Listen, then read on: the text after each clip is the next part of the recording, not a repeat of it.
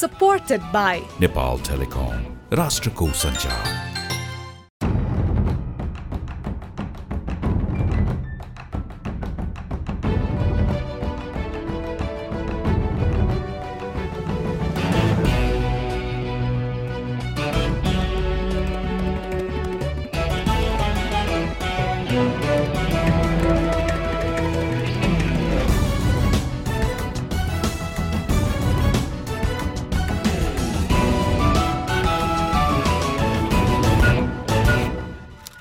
आदरणीय दर्शक तथा श्रोतावृन्द नमस्कार। कार्यक्रम टफ टकमा म दिलभूषण पाठक तपाईँ लगायत मेरा सबै सबै दर्शक तथा श्रोतालाई स्वागत गर्दछु।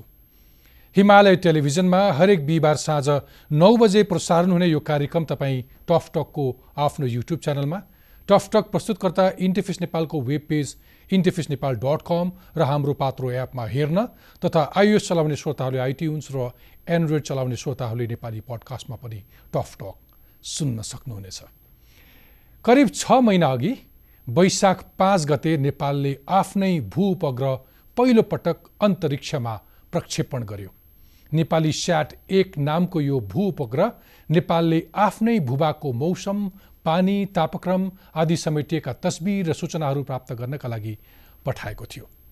हुन त सेटेलाइटको विश्वचित्र हेर्ने हो भने सोभियत सङ्घले उन्नाइस सय सन्ताउन्न अर्थात् आजभन्दा बैसठी वर्ष अघि नै सेटेलाइट प्रक्षेपण गरिसकेको थियो।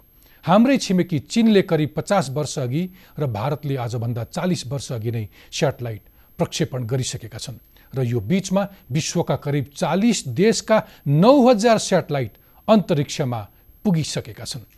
अनि ती हरेक राष्ट्रले आफ्नो हैसियत अनुसार पृथ्वीमा मौसमको अवस्थाको अध्ययन आफ्नो सीमा सुरक्षा अनुगमन जस्ता विषयदेखि अन्तरिक्षको खोज अनुसन्धान र अन्तरिक्षमा आफ्नो स्थान बनाउनेदेखि पर्यटन विकाससम्ममा प्रयोग गर्दै आएको पाइन्छ। तर हाम्रो आफ्नो सेटेलाइट नेपालको मौसम तथा नेपालको प्राकृतिक अवस्था लगायतको अध्ययन प्रयोजनका लागि मात्र र अत्यन्तै छोटो समयका लागि प्रक्षेपण गरिएको हो जसले पृथ्वीको सतहभन्दा चार सय किलोमिटर माथि अन्तरिक्षमा रहेर प्रत्येक नब्बे मिनटमा पृथ्वीमा एक चक्कर लगाउँथ्यो। दैनिक सोह्र पटक पृथ्वीको परिक्रमा गर्दा चार पटक नेपालको आकाशमा आइपुग्ने यो न्यानो सेटेलाइट बनाउने व्यक्तिहरू हुनुहुन्छ। नेपाली युवा वैज्ञानिक आवास मास्के र हरिराम श्रेष्ठ। नेपाल विज्ञान तथा प्रविधि प्रज्ञा प्रतिष्ठान नासको सहयोगमा जापानमा बसेर उहाँहरूले सेटेलाइट निर्माण गर्नुभएको हो। यो सेटेलाइटको सफल प्रक्षेपणपछि नेपालले पनि अन्तरिक्षमा आफ्नो उपस्थिति जनाएको छ। यही सफलताका लागि मास्के र श्रेष्ठलाई यस वर्ष सरकारले कृतिमय राष्ट्रद्वीप चौथो पदकबाट सम्मानित पनि गर्यो। नेपाली भू उपग्रहले प्राप्त गरेका नयाँ तथ्यहरू के हुन्? अहिले अन्तरिक्षको अवस्था कस्तो छ? र यस सम्बन्धी नयाँ तथ्यहरू के के हुन्? अन्तरिक्षमा अन्य भू उपग्रहले कसरी काम गरिरहेका छन्? नेपालमा योसँग सम्बन्धित ज्ञान तथा प्रविधिहरूको विकास कसरी भइरहेको छ र हामी कुन अवस्थामा छौँ? यसका लागि हामीसँग कस्ता पूर्वाधारहरू छन्? हाम्रा सरकारी संरचना नयाँ आविष्कार र प्रविधिको प्रयोगमा कति फ्रेन्डली छन्? लगायतका प्रश्नहरूको जवाब खोज्न आज मसँग हुनुहुन्छ नेपाल स्याट एक बनाउने मध्येका एक युवा वैज्ञानिक आवास मास्के। आउनु स्वागत गरौँ। आजका मेरा अतिथि जापानको क्युसु इन्स्टिच्युट अफ टेक्नोलोजीमा सेटेलाइट सम्बन्धी विद्यावारिधि गरिरहनुभएका र यसअघि पनि कोरिया बसेर युरोपियन युनियनका दुईवटा सेटेलाइट निर्माणमा संलग्न भइसक्नुभएका नेपाली युवा वैज्ञानिक आवास मास्केलाई। आवासजी टकटकमा स्वागत छ। थ्याङ्क यू आराम हुनुहुन्छ? आरामै छ। कहिलेदेखि नेपालमा हुनुहुन्छ? म चाहिँ बिहिबार आएको अस्ति बिहिबार। अहिले चाहिँ यो युथ कन्फरेन्स भइरहेको छ नासले अर्गनाइज गरेको। हजुर म चाहिँ त्यही कन्फरेन्समा भाग लिन आइपुगेँ प्लस नेपाली स्याट वानको अपडेट्स दिनलाई पनि हो। हजुर अब मेन कुरा त त्यही हो। हामीले चाहिँ कस्तो भने जनतालाई कसरी चाहिँ हामीले अगाडि यो इन्फर्मेसनहरू राम्ररी दिन सक्छौँ भनेर पहिल्यैदेखि नै सोचिरहेको थियौँ। र अब यस्तो खालको अपर्च्युनिटी आएकोले म पनि यहाँ आएर चाहिँ दिन लाग्यो ओके क्रमैसँग आउँछु। तपाईँ समेतको संलग्नतामा नेपालले पहिलो पटक प्रक्षेपण गरेको Nepali sat one Nepali sat एकको बारेमा म क्रमैसँग आउँछु। हजुर। तर मलाई बुझ्न मन लागेको चाहिँ एउटा सफल युवा वैज्ञानिकको बाल्यकाल कस्तो हुँदो रहेछ भनेर नि। कहाँ जन्मनुभयो कस्तो विद्यालयमा कसरी पढ्नुभयो? मेरो जन्म चाहिँ पाटनमा भएको थियो। त्यसपछि हामी काठमाडौँ सर्यौँ अम, काठमाडौँ सरेपछि चाहिँ मेरो बुवा पिएचडीको लागि जर्मनी जानुभएको थियो। सँगै हामी गयौँ त्यहाँ पनि। अनि त्यसपछि फर्केर आएपछि चाहिँ मलाई नेपाली र अङ्ग्रेजी बोल्न आउँदैन थियो जर्मन मात्र बोल्न आउँथ्यो। त्यसले गर्दाखेरि स्कुलमा अलिकति अप्ठ्यारो पऱ्यो तर मेरो त्यहाँको म्याथमेटिक्सको बेस चाहिँ अलिक राम्रो भयो। त्यसपछि म यहाँ पेनुड भन्ने पेनुड एकाडेमी भन्ने अहिले त छैन तर त्यो त्यहाँ छिरेँ। त्यहाँबाट क्लास थ्रीमा टप गरेपछि बुढाङखण्ड स्कुलमा पाएँ मैले क्लास फोरमा। क्लास फोरबाट मेरो ए लेभलसम्म त्यहीँ पढाइ भयो। त्यो पढाइ हुँदाखेरि बुवा आमाले चाहिँ सामानहरू ल्याइदिने मलाई साइन्टिफिक कुराहरू गर्ने। जस्तो कि फ्युल सेलको बुवाले अब क्लास सेभेनमै लिएर आएर होइन फ्युल सेलको त्यस्तो मोडलहरू लिएर आउनुहुन्थ्यो। अनि बुवाले चाहिँ मलाई बनाउन लाउनुहुन्थ्यो क्या त्यो। अनि त्यो साइन्स एक्जिबिसन्सहरूमा जाने होइन। अनि त्यसपछि बाल्यकालदेखि निकै तेज हुनुहुन्थ्यो। तेज त होइन। आई थिङ्क मैले मलाई चाहिँ के लाग्छ भने नेपालमा चाहिँ जे कुरा पनि एकदम सानोदेखि ट्यालेन्टको कुरा गरेको हुन्छ। तर मलाई के चाहिँ फिल हुन्छ भने अपर्च्युनिटी थियो कि मलाई। ओके अरूलाई पनि त्यस्तै अपर्च्युनिटी थियो भने चाहिँ उहाँहरू पनि त्यही लगनमा अगाडि बढ्नुहुन्थ्यो जस्तो लाग्छ। ओके मलाई चाहिँ हजुर। बुढालिनकण्ठबाट ओ लेभल सकेपछि अनि तपाईँ कोरिया प्रस्थान गर्नुभयो पढ्नलाई। हजुर। कोरिया गएर चाहिँ मैले सोल नेसनल युनिभर्सिटीमा एरोस्पेस मेकानिकल र एरोस्पेसको डोल डिग्री पाएँ। दुई हजार दसदेखि दुई हजार फोर्टिन होइन चौध सालसम्म। तपाईँ यहाँ ओ लेभल पढ्दै गर्दा अथवा एसएलसी त्यतिखेरको एसएलसी दिँदै गर्दाखेरि म चाहिँ मलाई यो एरोस्पेस पढ्नुपर्ने छ म वैज्ञानिक हुन चाहन्छु भन्ने चाहना त्यतिखेरदेखि थियो। थियो अब साइन्स नै गर्छु भन्ने थियो। मैले ए लेभल्स पढ्दाखेरि साइन्स स्ट्रिममै गरेँ। र हाम्रो स्कुलमा चाहिँ धेरै अपर्च्युनिटिजहरू दिएको थियो कि जस्तो साइन्स एक्जिबिसनहरू गर्नलाई। अनि त्यसपछि अब कम्पिट गर्नलाई बाहिर गएर हुन्छ नि साइन्सको कुराहरू देखाउनलाई। त्यसले गर्दाखेरि चाहिँ मैले साइन्समै गर्छु भन्ने थियो इन्जिनियरिङ गर्छु भन्ने पनि थियो तर एरोस्पेस नै गर्छु भनेर चाहिँ मैले सोचेको चाहिँ थिएन। ओके। अनि पछि तपाईँले एरोस्पेस इन्जिनियरिङमै एमएससी पनि गर्नुभयो त्यही ठाउँमा? हजुर। कस्तो विषय थियो यो चाहिँ? मैले अन्डर ग्रेजुएटको फाइनल इयरमा पनि थाहा थिएन कुन चाहिँ डाइरेक्सनमा जान्छु भने एरोस्पेस र मेकानिकल पढिरहेको दुइटै। सुरुमा चाहिँ मेकानिकलको बेस हुन्छ दुई वर्ष त्यसपछि दुई वर्ष एरोस्पेसको बेस हुन्छ। अनि हामीलाई चाहिँ सबै कुराहरू पढ्न लाउँछ क्या के के? के एरोस्पेसमा र मेकानिकलमा के के अब? एरोस्पेसमा चाहिँ तपाईँको कस्तो हुन्छ भने मेकानिकलमा चाहिँ तपाईँको रोबोटिक्सहरू सिकाउने भयो होइन? एरोस्पेसमा चाहिँ फिक्स्ड विङ प्लेन्सहरूको सिकाउने भयो। तर एरोस्पेसमा पढ्दाखेरि रकेटरी पनि सिकाउँथ्यो। तर त्यति इन्ट्रेस्ट चाहिँ भएन मलाई। रकेटरी र फिक्स्ड विङमा अब त्यो हेलिकप्टरहरूको बारेमा पनि पढाउँथ्यो हामीलाई। आम, तर के भइदियो भने लास्ट इयरमा चाहिँ हामीले एउटा प्रोजेक्ट गर्नुपर्ने हुन्थ्यो। त्यो प्रोजेक्टमा मेरो प्रोफेसरले त्यो बेला हामी चाहिँ प्रोफेसरको अन्डरमा गएर काम गर्नुपर्थ्यो कि। अन्डर ग्रेजुएटको फाइनल इयरमा अनि त्यहाँ जाँदाखेरि उहाँले लेख्नुभयो त्यहाँ अम, यो यो यो यो रिसर्च गर्दैछौँ। लास्टमा चाहिँ न्यानो सेटेलाइट लेख्नुभयो। अनि आई डेन्ट नो है त्यो बेला मलाई थाहा थिएन के रहेछ त्यो भनेर। अनि होइन म चाहिँ यही गर्छु भन्नुभयो। त्यस भने मैले त्यसपछि उहाँले चाहिँ हुन्छ तैँले न्यानो सेटेलाइट गर भन्नुभयो। अनि त्यहाँदेखि अगाडि बढ्यो। तपाईँको एक्सपर्टिज त्यहाँ भयो। र तपाईँले नेपाल स्याट नेपाली स्याट वानमा काम गर्नुभन्दा अगाडि तपाईँ त्यही विश्वविद्यालयमा तपाईँले इयुको मात्र नबसेर दुईवटा सेटेलाइटमा काम गरिसक्नु भएको थियो। हजुर हाम्रो चाहिँ यो क्युबी फिफ्टी भन्ने प्रोजेक्ट थियो त्यो बेला। टु थाउजन्ड टेनमा टु थाउजन्ड टेनमा त होइन टु थाउजन्ड फोर्टिनमा गएर चाहिँ त्यो प्रोजेक्ट अगाडि बढेको हो। ओके अनि यु युको चाहिँ फन्डिङ थियो क्युबी फिफ्टी भनेर त्यो चाहिँ पचासवटा सेटेलाइट संसारभरि बनाएर होइन हाम्रो युनिभर्सिटी चाहिँ एउटा सेटेलाइट बनाउने कुरा थियो अगाडि चाहिँ। तर पछि गएर चाहिँ हामीले दुईवटा सेटेलाइट बनायौँ। यो हाम्रो नेपाली स्याट अ, को दुई गुणा ठुलो। होइन? तपाईँको सु हाम्रो जुत्ता राख्ने बक्स हुन्छ नि त्यत्रो ठुलो चाहिँ हामीले बनाएर अनि यसको ठ्याक्कै double size। डबल साइज चाहिँ हामीले बनाएर प्रक्षेपण गर्नु गऱ्यौँ। एउटा चाहिँ चल्दिएन त्यो बेला होइन? फेलियर रेट फिफ्टी पर्सेन्ट छ एउटा चाहिँ चल्दियो ओके। हजुर। ओके अनि त्यस पछाडि तपाईँको यात्रा जापानतिर सोझियो हजुर हो। तपाईँले त्यहाँको टेस्ट गर्न जति पनि सेटेलाइटहरू तपाईँको युनिभर्सिटीमा बन्थ्यो ती सबै जापानमा टेस्ट गर्न लगिन्थ्यो। हजुर। अरू के के कारणले तपाईँलाई लोभ्या अब सबैभन्दा इन्ट्रेस्टिङ कुरा चाहिँ के थियो भने स्नु स्याट वान भन्थ्यो हामीले त्यो बेला सोल नेसनल युनिभर्सिटीको सेटेलाइट बनाउँदाखेरि। त्यो त्यो सेटेलाइट चाहिँ हामीले टेस्ट गर्न पर्दाखेरि कोरियामा टेस्ट होइन हामी जापानमा गएर टेस्ट गर्थ्यौँ कि अन्त मलाई अचम्म लाग्थ्यो किन चाहिँ हामी गएर जापानमा गएर टेस्ट गर्ने भनेर। अनि हामी सेटेलाइट लिएर लिएर चाहिँ गयौँ।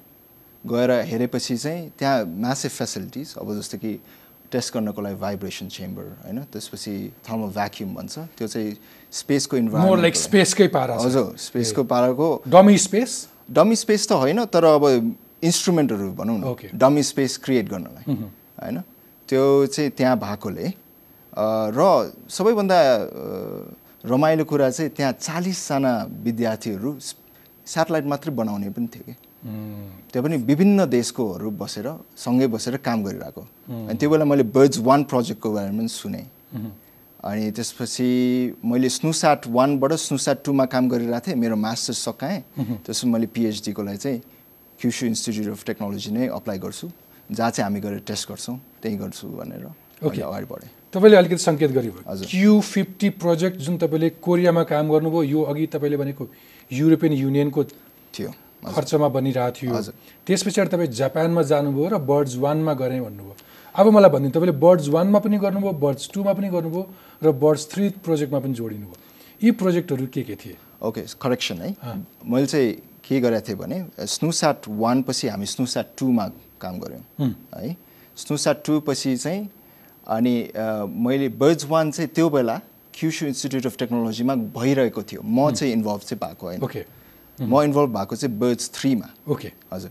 अब बर्ड्स वानमा चाहिँ बङ्गलादेशको पहिलो सेटेलाइट बनाइरहेको थियो त्यहाँ यो कुन इयरमा थियो? यो चाहिँ तपाईँको लन्च भएको टु थाउजन्ड सेभेन्टिनमा ओके है टु थाउजन्ड फिफ्टिनमा सुरु भयो र गएर लन्च चाहिँ टु थाउजन्ड सेभेन्टिनमा भयो।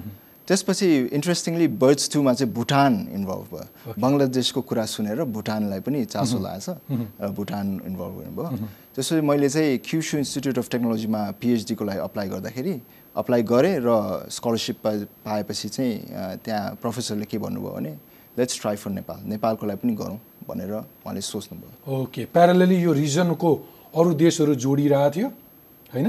त्यस पछाडि नेपाल किन छुटिरहेछ? नेपाललाई पनि जोडौँ। तपाईँ पुगिसकेपछि तपाईँको प्रोफेसरले नेपाललाई पनि जोडौँ यो अभियानमा भनेर भन्नुभयो। हजुर हो। अनि अब कस्तो भइदियो भने हाम्रो यो प्रोजेक्ट चाहिँ जुन देशमा अन्तरिक्षको कुनै पहुँच छैन त्यो देशको लागि कसरी सहयोग गर्ने भनेर प्रोजेक्ट सुरु बढाएको होइन? त्यसैले बङ्गलादेश पनि इन्भल्भ भयो। त्यसरी भुटान पनि भयो। अनि नेपालको लागि पनि ल गरौँ न त भनेर चाहिँ भन्नुभयो। त्यसपछि म कोरियामै थिएँ त्यो बेला मैले पाइसकेको थिएँ तर काम गरिरहेको अवस्था अवस्था थियो। प्रोफेसरले मलाई इमेल पठाउनु भयो। त्यसपछि professor assistant professor George Maeda भन्ने। हाम्रो मेन प्रोफेसर चाहिँ professor Mengu Cho. Professor George मैदा र म चाहिँ नेपाल आएर हामीले अप्रिलको दुई हजार सत्र सालमा प्रपोजल अगाडि बढायौँ? नासमा प्रपोज गर्नुभयो। तपाईँ यहाँ आइन्जेलसम्म नासमा बेसिक करस्पोन्डिङसम्म गर्नुभएको थियो होला। नभए अरू कुनै त्यस्तो ग्राउन्ड बनिसकेको थिएन। तपाईँहरूले आएर प्रपोज गर्नुभयो। कस्तो इन्ट्रेस्टिङली हामीले चाहिँ चौधौँ प्लान हेऱ्यौँ त्यो बेला। चौधौँ प्लानमा के लेखेको रहेछ भने जो दुई वर्ष अब त्यो बेला चौध प्लानमा चाहिँ तिन वर्षको प्लान हुने रहेछ होइन? र एक वर्ष गइसकेको थियो। र हामीले के देख्यौँ भने चाहिँ त्यहाँ आफ्नै जनशक्तिले होइन भू उपग्रह बनाउने आफ्नै दक्षताले भू उपग्रह बनाउने आफ्नै पैसाले भू उपग्रह बनाउने भनेको लेखेको रहेछ। हुन त त्यो लेख्न चाहिँ ठुलो स- भू उपग्रहको लागि लेखेको होला। तर कस्तो देखियो भने दुई वर्षमा कसरी चाहिँ हामीले यो प्रो यो सकाउन सक्छौँ त भन्ने प्रश्न उठ्दाखेरि डिस्पाइट त्यो डकुमेन्टेसन बाहेक अरू ग्राउन्ड वर्क पनि भइसकेको थिएन त्यो ग्राउन्ड वर्क चाहिँ भएको थिएन। ओके हजुर। अ, अनि हाम्रो के भयो भने चाहिँ हामीले मिनिस्ट त्यो बेला चाहिँ विज्ञान र प्रविधि मन्त्रालय थियो होइन? अ, अहिले चाहिँ एजुकेसनमा गएको छ। त्यो बेला चाहिँ हामीले प्रपोजल अगाडि बढायौँ र नास्टको नास्टको सेक्रेटरी पनि हुनुहुन्थ्यो त्यहाँ। अनि के डिसिजन भयो भने त्यहाँ चाहिँ नासले अगाडि बढाउनुपर्छ भन्ने भयो। त्यसपछि हामी क्युसु इन्स्टिट्युट अफ टेक्नोलोजी र नास्ट मिलेर हामीले प्रपोजल अगाडि बढायौँ। हजुर। त्यसैको परिणाम हो नेपाली स्याट वान हजुर हो। होइन? हजुर। यो चाहिँ अहिले अन्तरिक्षमा छ। अन्तरिक्षमा छ। भलै तपाईँले अनुमान गरेको समय चाहिँ सिद्धि होला तिन चार महिनाको लागि पठाउनु हामीले चाहिँ मिसन भन्छ हामीले। त्यो चाहिँ तिन महिनाको अवधि हुन्छ होइन? अगाडि फर्स्ट फेज भन्छ हामीले अङ्ग्रेजीमा। त्यो चाहिँ अगाडिको फेज भनौँ न। त्यो तिन महिनाको हुन्छ। त्यो तिन महिनापछि चाहिँ हामीले एक्सटेन्डेड फेज भन्छ। एक्सटेन्डेड फेजमा गइसक्यो अहिले चार महिना पुग्यो। तिन महिनासम्म चाहिँ हामीले गर्न सक्ने सबै कामहरू गर्नुपर्ने चाहिँ म आउँछु। त्यसको अपडेट्सहरू के छ? म आउँछु। यो चाहिँ हाम्रो नेपाली स्याट वानको डमी हो यो। हो होइन डमी हो ओके अब मलाई भनिदिनुहोस् म अक्सर यो सोमा मेरा सर्वसाधारण दर्शकहरूलाई त्यति नै धेरै महत्त्व दिन्छु मेरो आम सामान्य दर्शकले बुझ्ने गरी भनिदिनुहोस् यो सेटेलाइट कसरी बन्छ यसमा के हुन्छ र यसले के काम गर्छ तपाईँले साटलाइटलाई अहिलेको जुन चाहिँ न्यानो साटलाइट छ हामीले बनाए एक किलोको छ होइन? र यो न्यानो सेटेलाइट भनेको सबभन्दा सानो सेटेलाइट हजुर। एक किलोको दस सेन्टिमिटर बाई दस सेन्टिमिटर। बाई दस सेन्टिमिटर। बाई उचाइ चौडाइ हजुर। लम्बाइ। लम्बाइ सबै। हजुर। होइन? तर यो न्यानो सेटेलाइट भन्ने बित्तिकै चाहिँ एकदेखि दस किलोको लागि चाहिँ न्यानो सेटेलाइट भन्छ है दसदेखि पचासलाई चाहिँ माइक्रो भन्छ होइन? अब योभन्दा सानो पनि छ पिको सेटेलाइट पनि भन्ने छ। ओके। तर तपाईँको के छ भने यो सेटेलाइटलाई खोल्नुभयो भने त्यहाँ बोर्ड्सहरू जुन चाहिँ टिभीभित्र देख्नुहुन्छ नि टिभीलाई खोल्नुभयो भने हो। त्यस्तो मात्रै छ कि खासमा भन्यो भने? एउटा क्यामेरा होला। हजुर क्यामेरा पनि छ होइन। त्यसपछि हाम्रो जिपिएस एन्टेना पनि छ। केही सेन्सर्सहरू सेन्सर्सहरू हुन्छ। र सेटेलाइटको डेफिनेसन साँच्चीकै सोच्ने भयो भने तर त्यहाँ प्रोसेसर पनि हुन्छ बोर्ड पनि हुन्छ हजुर प्रोसेसर सबै हुन्छ। अनि त्यो तपाईँले सोच्नुभयो भने चाहिँ कुनै पनि यन्त्र जुन चाहिँ अन्तरिक्षमा गएको छ र हामीले कम्युनिकेट गर्न सक्छौँ हामी बोल्न सक्छौँ भने त्यो चाहिँ सेटेलाइट भइदियो। ए ए। भनेको तपाईँसँग त्यो चिज जब अन्तरिक्षमा जान्छ त्यो यो अन्तरिक्ष भनेको फेरि मेरा दर्शकले बुझ्ने गरी पृथ्वीको सतहभन्दा पृथ्वीभन्दा चार सय मिटर टाढाको ठाउँबाट अन्तरिक्ष सुरु हुन्छ। तपाईँहरू त्यो भन्नुहुन्छ नि प्राविधिक रूपमा? हजुर प्राविधिक रूपमा चाहिँ तपाईँको अन्तरिक्ष सुरु हुने सय किलोमिटरबाट सुरु हुन्छ। ए। ए। सय किलोमिटर सय किलोमिटरबाट सुरु सय किलोमिटरबाट सुरु हुन्छ। हाम्रो चाहिँ चार सय किलोमिटर हाम्रो चाहिँ चार सय किलोमिटरमा छ। र त्यो त्यो अन्तरिक्षमा जब यो जान्छ त्यस त्यो चाहिँ तपाईँको यहाँनिर ग्राउन्ड स्टेसन हुन्छ र त्योसँग कम्युनिकेसन भइरहेको हुन्छ। हजुर। यसले त्यो रिमोट जस्तै गरेर यसले त्यहाँबाट काम गरिरहेको हुन्छ तपाईँले सबै सूचनाहरू यहाँ लिइरहनुहुन्छ। बेसिकली भन्ने हो भने रोबोट नै हो। रोबोट नै हो। अथवा फ्लाइङ क्यामेरा जस्तै हो। हजुर फ्लाइ क्यामेरा अथवा तपाईँको के हो भने मेन कुरा चाहिँ वायरलेस कम्युनिकेसन भन्छ हामीले। यसमा सबै कुरा अझ बुझ्ने गरी इट्स रोबोटको एउटा फर्म छ एउटा रोबोट छ एउटा उडिरहेको एउटा निश्चित गतिमा उच्च स्तरको तस्बिर खिच्न सक्ने एउटा क्यामेरा सहित छ। हजुर। र अर्को तपाईँले भने जस्तै अर्को एउटा रिमोटबाट सञ्चालित छ। रिमोटबाट सञ्चालित हुनैपर्छ हुनैपर्छ त्यो बिना त र त्यसको सम्पूर्ण ब्यौरा तपाईँको ग्राउन्ड स्टेसनमा जोडिन्छ। हजुर। बुझ्नको लागि मेरो दर्शकले बुझ्नलाई यसरी भनिदिउँ हजुर। र यो यसले के गर्छ सेटेलाइटले पनि त्यो माथिको उचाइबाट पृथ्वीको तस्बिरहरू खिच्छ। हामीले नेपालको तस्बिर खिच्नलाई प्रयोग गऱ्यौँ। त्यो तस्बिर भनेको हाम्रो देशमाथि कति बादल छ कुनै दैविक विपत्ति आउन आँटिरहेछ कि हावाको चाप कता छ मौसम के हुने सक्ने सक- सम्भावना छ यस्ता चिज चिजहरूको तस्बिर खिच्नुहुन्छ। हामीले तस्बिर चाहिँ अब भविष्यमा हामीले खिच्न चाहेको चाहिँ त्यो हो। हो। तर अहिले त पहिलो पहिलो कदमको लागि त फोटो खिचेर देखाउनु पऱ्यो नि। पऱ्यो। फोटो खिच्न सक्नु हजुर फोटो खिच्नु सक्नु पऱ्यो नि। फोटो खिच्नु सक्नु नै कस्तो हुन्छ भने सबै कुरा ठिक भएपछि बल्ल फोटो खिच्न सक्ने हो कि? तपाईँको सेटेलाइट पहिला त राम्ररी बनाउनु पऱ्यो। हो। त्यसपछि टेस्टिङ गर्नु पऱ्यो सबै तपाईँको अन्तरिक्षको अन्तरिक्षमा के के हुनसक्छ समस्याको सबै टेस्टिङ भएपछि त्यसपछि तपाईँले चाहिँ लन्चरलाई दिनु पऱ्यो लन्च सक्सेसफुल हुनु लन्चर भनेको यो तपाईँले बनाइसकेको चिजलाई उडाउने एउटा कुनै कम्पनी हुन्छ। तपाईँहरूले जापानको विश्वविद्यालयमा यो बनाइसकेपछि अमेरिकाको कम्पनीलाई दियौँ र तिनले उडायो होइन त? हामीले चाहिँ अक्सर उडाउने ठाउँ चाहिँ अमेरिकामा छ। जापानिज एरोस्पेस एक्सप्लोरेसन एजेन्सी भन्ने छ। जापानको नासा भनौँ न। ओके। हामीले चाहिँ उहाँहरूलाई दियौँ। उहाँहरूले चाहिँ कोअर्डिनेट गर्नुहुन्छ।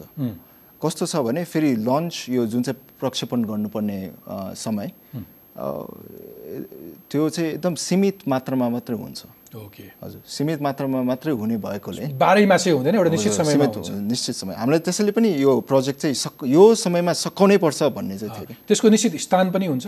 निश्चित थान पनि हुन्छ। कहाँ कहाँ छ? त्यो चाहिँ अब युएसमा पनि छ कोरियामा पनि छ जापानमा पनि छ। हामीले यो कहाँबाट गऱ्यौँ? यो चाहिँ युएसबाट गऱ्यौँ। अमेरिकाबाट त्यो चाहिँ त्यसको कारण चाहिँ त्यो अझ राम्रो अझ अनुभवी छ भन्ने ठाउँ त्यो पनि हो। अनुभवको आधारमा छानिन्छ। अथवा पनि हो। एउटा उत्कृष्टताका आधारमा छानिन्छ। ओके पछिल्लो अपडेट के छ नेपाली स्याट वानले के गर्यो तपाईँले? तस्बिर खिच्यो? तस्बिर खिच्यो।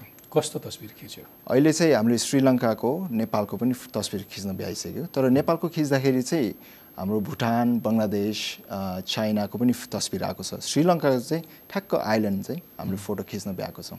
हजुर। सो अलिक डिटेल सहित मैले तपाईँको वेब पेजमा हेरेको थिएँ। हजुर।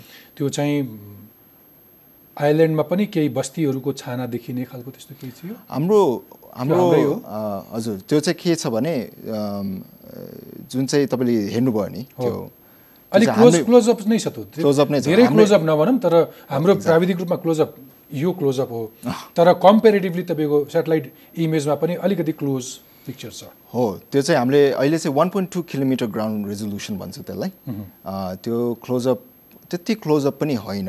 जहाँ चाहिँ हामीले साइन्टिफिक कामहरू गर्न सक्छौँ। तर फोटो खिच्दाखेरि ठ्याक्क देश देख्ने गरी चाहिँ त्यो चाहिँ देख्न सकिन्छ त्यहाँ फोटो। ओके। तपाईँले तस्बिर खिच्यो। अरू के के गर्यो हाम्रो सेटेलाइटले? अहिले चाहिँ हाम्रो मेन मोटिभेसन अहिले नेपाली लागि चाहिँ। अब कस्तो हुन्छ भने हामीले सुरुमा चाहिँ मिसन डिजाइन रिभ्यू भन्ने हुन्छ। मिसन डिजाइन गर्नुपर्छ कि? स्याटेलाइट बनाउन अगाडि नै यो के के मिसन चाहिँ हामीले राख्ने भनेर चाहिँ सोच्नुपर्छ। त्यसलाई चाहिँ मिसन डिजाइन रिभ्यू भन्छौँ। ओके। होइन? त्यो त्यो पुग्नलाई टाइमलाइन कहिले थियो? त्यो टाइमलाइन चाहिँ हाम्रो तिन अक्टोबर दुई हजार सत्रमा सुरु भएको प्रोजेक्ट किक अफ भएको। हाम्रो मिसन डिजाइन रिभ्यू चाहिँ डिसेम्बरको अन्त्यमा भएको थियो। अनि त्यो बेलासम्म चाहिँ हामीले मिसनहरू के के राख्ने त भनेर हामीले छलफल गर्छौँ।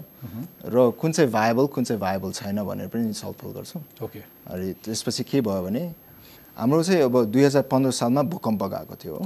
हामीले चाहिँ के देख्यो भने दुईवटा कुरा। एउटा चाहिँ कम्युनिकेसनको माध्यम नभएको त्यो बेला होइन? र अर्को चाहिँ रिमोट सेन्सिङ गर्नुपर्ने। रिमोट सेन्सिङ भनेको तस्बिर खिच्ने नै हो है त्यसै त्यो त्यो पछि गएर ठुलो सेटेलाइट बनाउने हो भने त पहिलो कदम लिनु पऱ्यो नि। त्यही घटना पछाडिको सिको थियो अघि तपाईँले भनेको सरकारको योजनामा यो सेटेलाइट बनाउने उद्देश्य राख्ने। त्यो थियो होला। हामीलाई चाहिँ अब सरकारले कसरी त्यो योजना ल्याएको थियो चाहिँ ठिक छ। त्यतातिर नजाउँ। अरू अपडेट्स नै दिनुहोस् नेपाली स्याटले के के गरेर ओके सो हामीले चाहिँ के सोच्यो भने त्यो भूकम्प गएपछि जुन चाहिँ कम्युनिकेसनको माध्यम थिएन र त्यसपछि रिमोट सेन्सिङको अरू देशसँग लिनुपर्ने फोटोहरू लिनुपर्ने अवस्था थियो। हामीले के सोच्यो भने हामीले पहिलो कदम चाहिँ के गर्न सक्छौँ त? बेसिक काम चाहिँ के गर्न सक्छौँ त भन्दाखेरि एउटा फोटो खिच्ने थियो।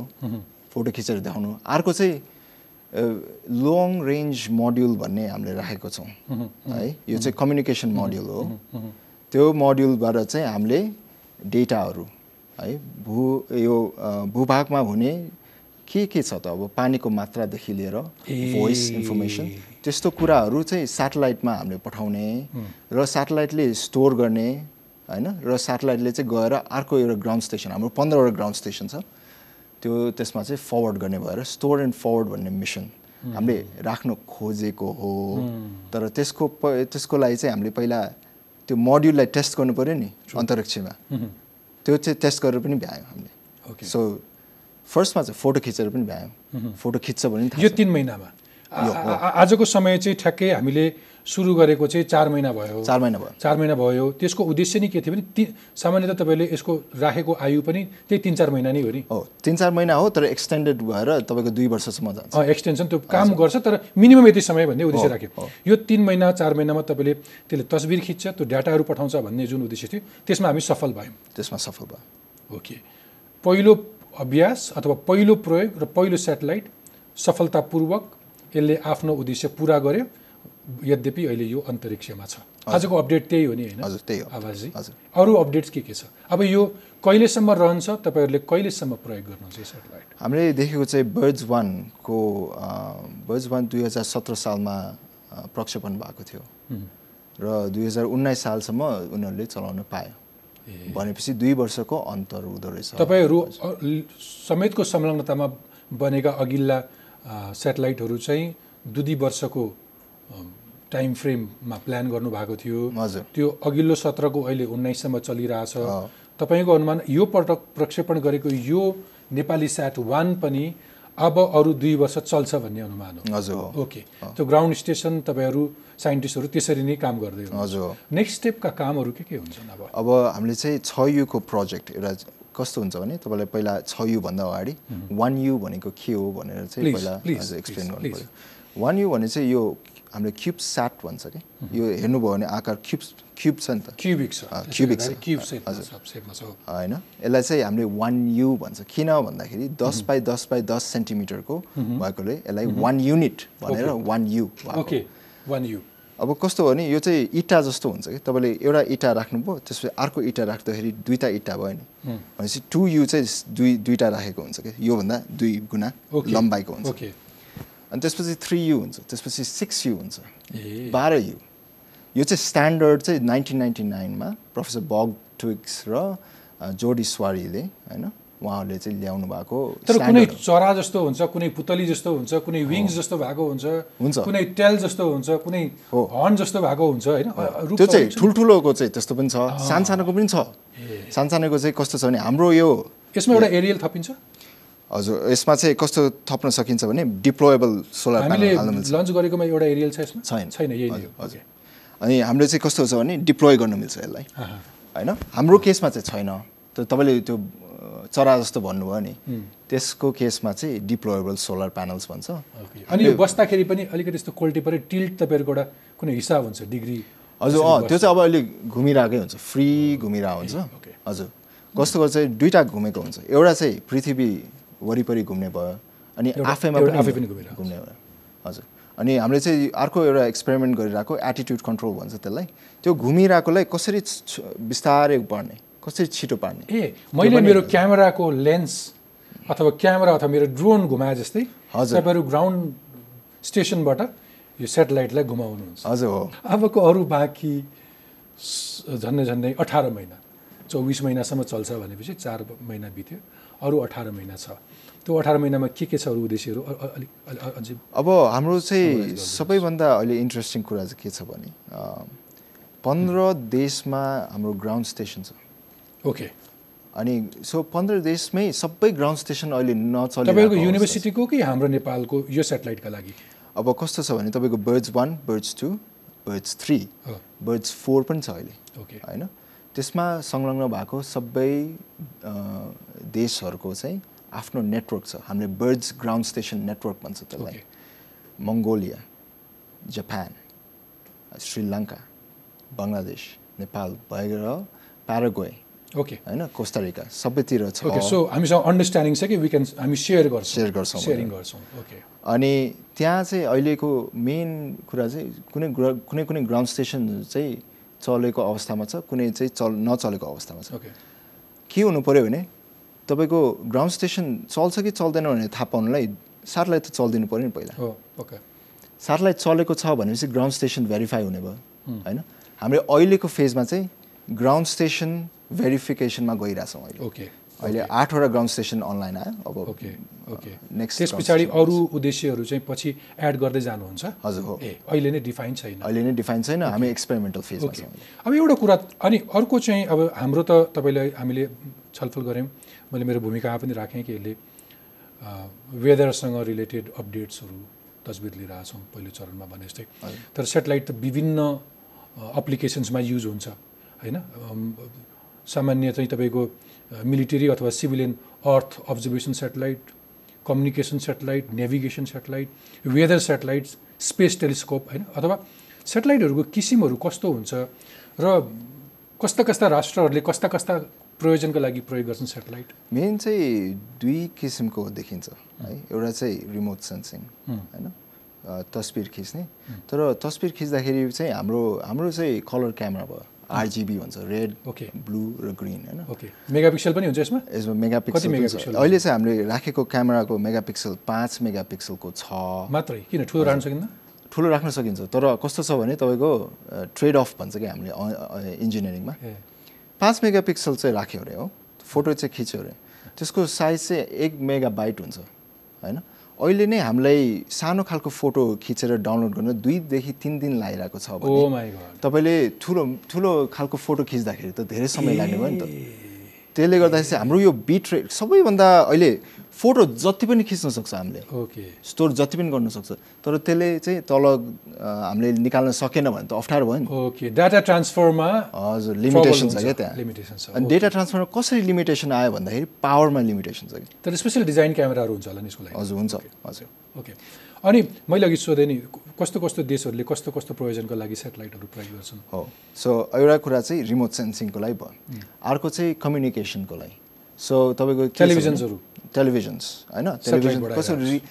तपाईँको खासमा भन्ने भयो भने एउटा भ्यान्टेज पोइन्ट भन्छ हामीले अङ्ग्रेजीमा। त्यो चाहिँ आ के अरे तपाईँले यो टावरहरू पाहाडमा राख्नुको कारण के होला त? तपाईँले भन्नु होला। पाहाडमा किन राखिन्छ? अल्को ठाउँ छ त्यसले सबैतिर कभर गर्छ। होइन सिम्पल भनेपछि त्यो त्यो छोपिएन कहीँ। हो। कोल्टे पऱ्यो छोपियो। होइन ठुलो स्टिलको स्ट्रक्चर्सहरूले डिस्टर्ब गर्छ त्यसको डाटा ट्रान्सफरमा भने of त्यो चाहिँ तपाईँको अन्तरिक्षमा राख्यो भने त लाइन अफ साइटको हाम्रो समस्या। समस्या भएन। भनेपछि अझै ठुलो एरिया पनि कभर गर्यो। के हुन्छ भने तपाईँको यहाँबाट रिले हुनुपर्ने इन्फर्मेसन माथि जान्छ र माथिबाट अर्को ठाउँमा रिले हुन्छ। त्यो दुईवटा भयो। तर अहिले चाहिँ अब साइन्सको युज पनि भइरहेको छ जस्तो कि तपाईँको टेलिस्कोपहरू युज राख्ने होइन? तर मेनली चाहिँ दुईवटा कम्युनिकेसन र रिमोट सेन्सिङको लागि प्रयोग भइरहेको ओके। तर पछिल्लो समय जस्तो अब अन्तरिक्षमा पनि को पहिले पुग्ने सँगसँगै कसले कति क्षेत्र ओगट्ने होइन? कसले त्यसलाई कोलोनाइज गर्ने भन्ने इन्ट्रेस्ट छ। कति ठुल्ठुला राष्ट्रहरूले आफ्नो सीमा सुरक्षाका लागि पनि सेटेलाइटहरू युज गरिरहेछन्। मैले तपाईँलाई सोध्न खोजेको एउटा प्रश्न हामी माथि हाम्रो स्पाई गर्नका लागि कसैले सेटेलाइटहरू प्रयोग गर्न सक्ने सम्भावना कति छ अथवा त्यसको लागि स्पेस लहरू कति इफेक्टिभ छन्? त्यो रा एकदम राम्रो प्रश्न सोध्नुभयो। मैले चाहिँ मैले पनि त्यो जान्न खोजेको थिएँ। हामीले क्यामेरा त राख्दैछौँ तर यो यसको के छ त? लिगालिटी एथिक्स के छ भन्दाखेरि बुझ्दाखेरि चाहिँ के देखिन्छ भने तपाईँको कुनै पनि ल त्यस्तो छैन रहेछ। जहाँको पनि तपाईँले फोटो खिच्न चाहिँ पाउनुहुन्छ। जसले पनि जहाँको फोटो खिच्न पाउँछ कहाँ चाहिँ छ भने तपाईँको एथिक्समा रहेछ कि? एथिकली तपाईँ फोटो तपाईँ एथिक्समा बस्नुहुन्छ भने चाहिँ फोटो खिच्नु हुँदैन। केही राष्ट्रहरूले युएनमा एउटा सहमति जनाएका छन् सबैले गरेका छन्। केही राष्ट्रहरूले युएनमा एउटा सहमति जनाएका छन् कि भोलि अन्तरिक्षमा कसैले अब त्यो शक्तिशालीले कब्जा गर्ने हो। सबै जाने आउने गरिसके सबैले अध्ययन गरेका छन् अन्तरिक्ष कसैले कब्जा गर्न नपाओस् सबै पृथ्वीवासीहरूको त्यत्तिकै साझा अधिकार लाग्छ। त्यो कसैले निश्चित कब्जा गर्न नसकोस् भनेर केही राष्ट्रहरूले चाहिँ सहमति गरेका छन् संयुक्त राष्ट्रसङ्घमा। भलै त्यो कति कार्यान्वयन हुन्छ भन्ने त्यहीँभित्रका विद्वानहरूको ठुलो छलफल छँदैछ। हजुर। तर तपाईँले हामी तस्बिरको कुरा गर्दाखेरि चाहिँ तस्बिर चाहिँ जसले जहाँ पनि खिच्न पाउँछ तर आफ्नो मर्यादा आफै कायम गर नभुल भन्ने धारणा हो। हो। ए त्यसको। अर्थ के हो भने अहिले आकाशमा कसैले हाम्रो तस्बिर खिचिरहेको हुनसक्छ। पक्का पनि छ।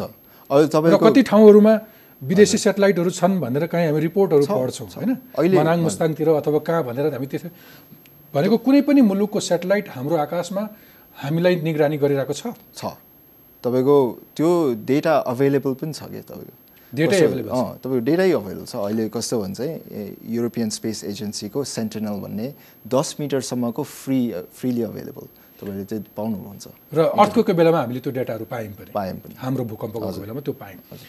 अब त्यस्तो विपत्तिको बेलामा सकारात्मक रूपमा सामाजिक रूपमा प्रयोग गर्नको लागि त राम्रै होला। तर कसैले लाभ लिन सक्ने सम्भावनाहरू के के हुन्छ? त्यहाँबाट लिएको तस्बिरहरूको कारण अथवा त्यो स्पेसबाट? हजुर अब तपाईँले थाहा पाइहाल्नुभयो रिमोट सेन्सिङ भनेपछि तपाईँको पृथ्वीको फोटो खिच्ने। अब कतिसम्म फोटो खिच्ने अब उसको क्षमता अनुसार त उसले अझ। क्लोजअप पनि खिच्न सक्ने भयो। खिच्न सक्छ। हरेक संरचना उसले बुझ्न सक्छ। सब मिटरको हुने बित्तिकै तपाईँको तिन मिटर हुने बित्तिकै तिन मिटर रेजोल्युसन भन्छ हामीले। तिन मिटरमा चाहिँ तपाईँको सिप्सहरू देख्न थाल्छ कि? होइन? तिन मिटरको रेजोल्युसनको फोटो खिच्न थालेपछि सिप्सहरू देख्न थाल्छ। सिप्सहरू देख्न थालेपछि के हुन्छ भने यो ठाउँमा कति कति चाहिँ इम्पोर्ट एक्सपोर्ट हुँदो रहेछ भनेर थाहा जानकारी लिनु मिल्यो नि त्यो फोटोबाट। अब जस्तै कि गाडीको फोटो लिनुहुन्छ भने कतिवटा गाडी चाहिँ पार्क भएको छ बिल्डिङमा? कतिजना मान्छे चाहिँ काम गरिरहेछ? कुन चाहिँ बेलामा काम गरिरहेछ भनेर पनि थाहा पाउन सक्नुहुन्छ नि। अब हुँदा हुँदा कुन घरको कतापट्टि ढोका छ भन्ने पनि थाहा पायो हजुर सब मिटरको चाहिँ त्यस्तो मिल्छ। होइन एउटा जेलको संरचनादेखि लिएर अथवा अर्को कुनै सेनाको कुनै एउटा अथवा कति सुरक्षासँग सम्बन्धित त्यस्ताहरूको इन्फर्मेसन पनि अरूले लिन सक्छ लिएको हुनसक्छ। लिएको छ। त्यो सबै नियन्त्रण गर्न रोक्न राज्यको कुनै पहलहरू हुनसक्छ? आफूलाई मेरो आकाशमा त यस्तो छ भन्ने शङ्का लागेर राज्यले अरू प्रविधि विकास गरेर त्यसलाई अलिकति हामीले के अवरोध पुर्याउन पनि सक्छौँ। अरू कुनै त्यस्तो सेन्सिटिभ राज्यहरूले गरेका छ जस्तो चिनले अथवा भारतले अथवा पाकिस्तानले अथवा अमेरिकाले अथवा अरू देशहरूले कोरियाले जापानले आफू सुरक्षित रहनको लागि सेटेलाइटहरूको प्रयोग कति छ? अब के चाहिँ गर्न सकिन्छ भने अब भनि भनिहालेँ लिगल एक्सन लिन चाहिँ छैन होइन? एथिक्सको मात्रै कुरा हो। तर के चाहिँ देखिन्छ भने जुन चाहिँ संवेदनशील ठाउँहरू छ नि त्यसमा चाहिँ रुखहरू राखेको होइन? त्यसमा रुखहरू बढी राखेको र त्यो बिल्डिङहरू छोपछाप गर्ने त्यसरी चाहिँ गर्न चाहिँ सकिन्छ। तर मैले भने जस्तै अघि नै जुन ठाउँ भएको पनि फोटो खिच्न मिल्छ जो तपाईँको अब टेक्नोलोजीमा फरक पर्ने। र देशले चाहिँ के गर्न सक्छ भन्दाखेरि चाहिँ त्यही अब एथिक्सको कुरा अगाडि निकालेर यो चाहिँ तपाईँहरूले यसो सब मिटरको रेजोल्युसन चाहिँ फोटो नखिचिदिनु होला भनेर चाहिँ भन्नु मिल्छ। तर इभिडेन्स के त? एभिडेन्स चाहिँ हो। त्यो त एभिडेन्स त छैन। रिलिज प्रमाण त चाहियो। त्यो त अन्दाज मात्रै हुन्छ। होइन अन्दाज पनि होइन तर त्यसको लागि सबै देशहरू रियुनाइट हुन सक्छौँ अन्दाज मात्रै होइन। अहिले स्याटेलाइटले सत्तरी सेन्टिमिटरको यस्तो यस्तो रिजोल्युसन दिन्छु भनेर भनिसकेको छ। ओके। होइन? तपाईँले किन्न पनि सक्नुहुन्छ कि? होइन? तर के छ भने त्यो कम्पनीले कुन चाहिँ देशलाई बेच्छ भन्ने मात्रै प्रश्न हो। अहिले ओके। नेपाल हजुर। ओके। अब यो चाहिँ अन्तरिक्षबाट उनले हामीलाई स्पाई गर्न सक्ने कुरा हो।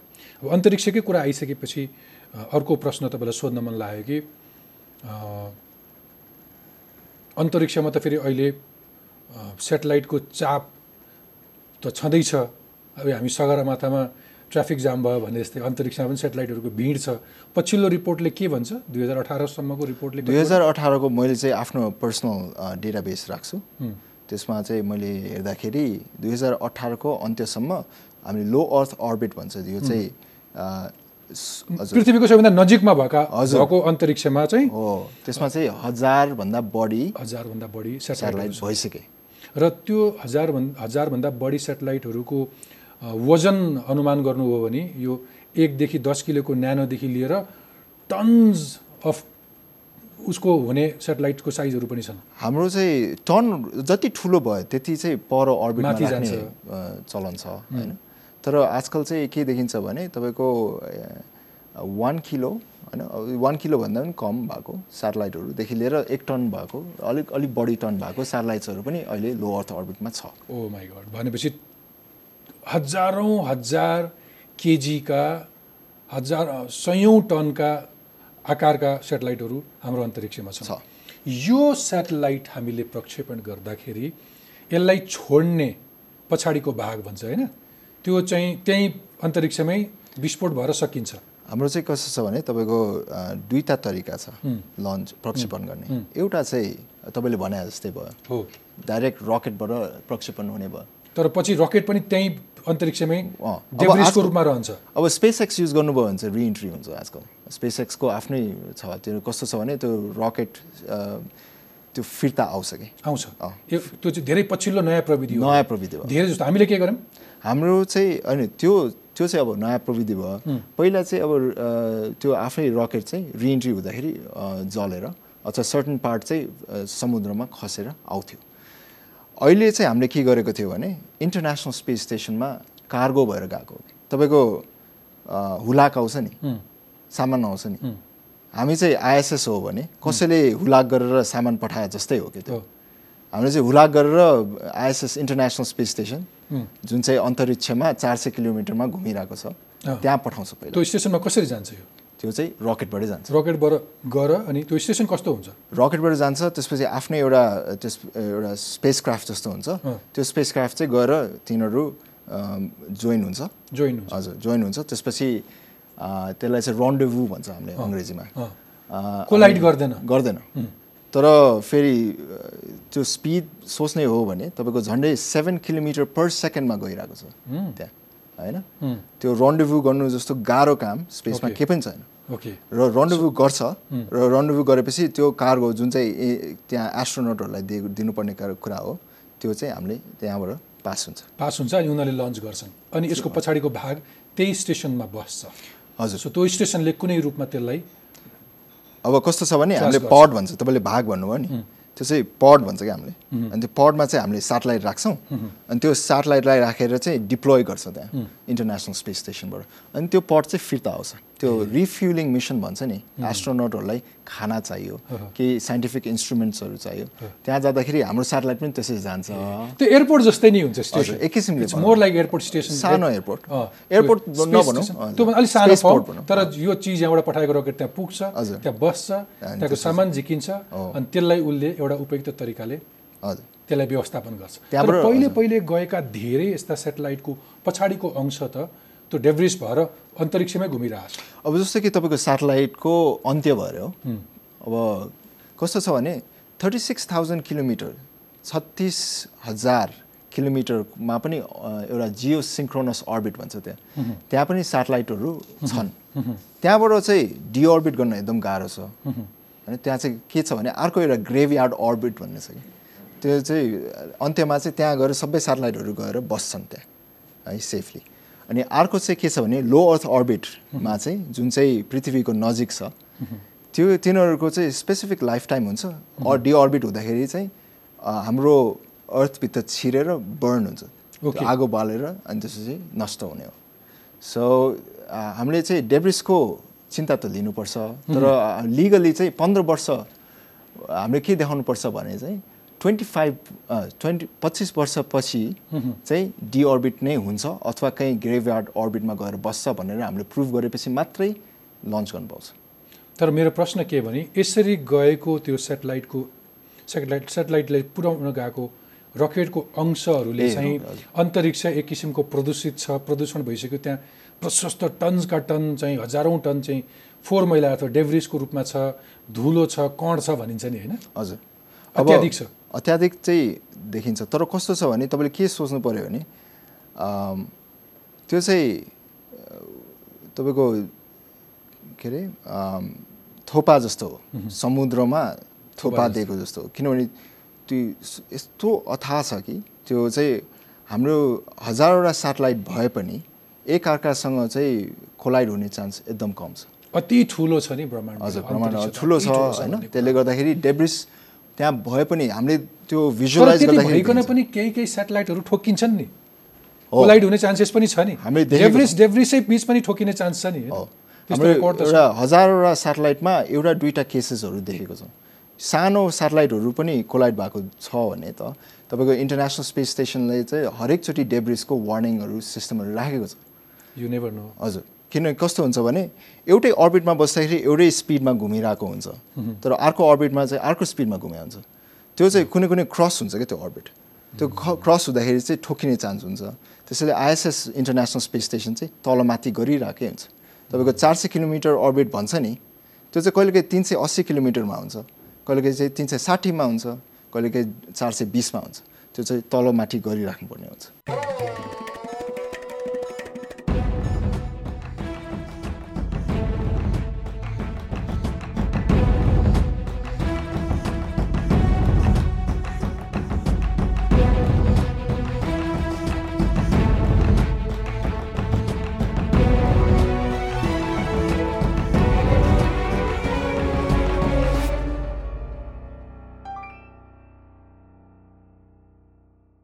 supported by Nepal Telecom, Rashtrakoot Sanchar.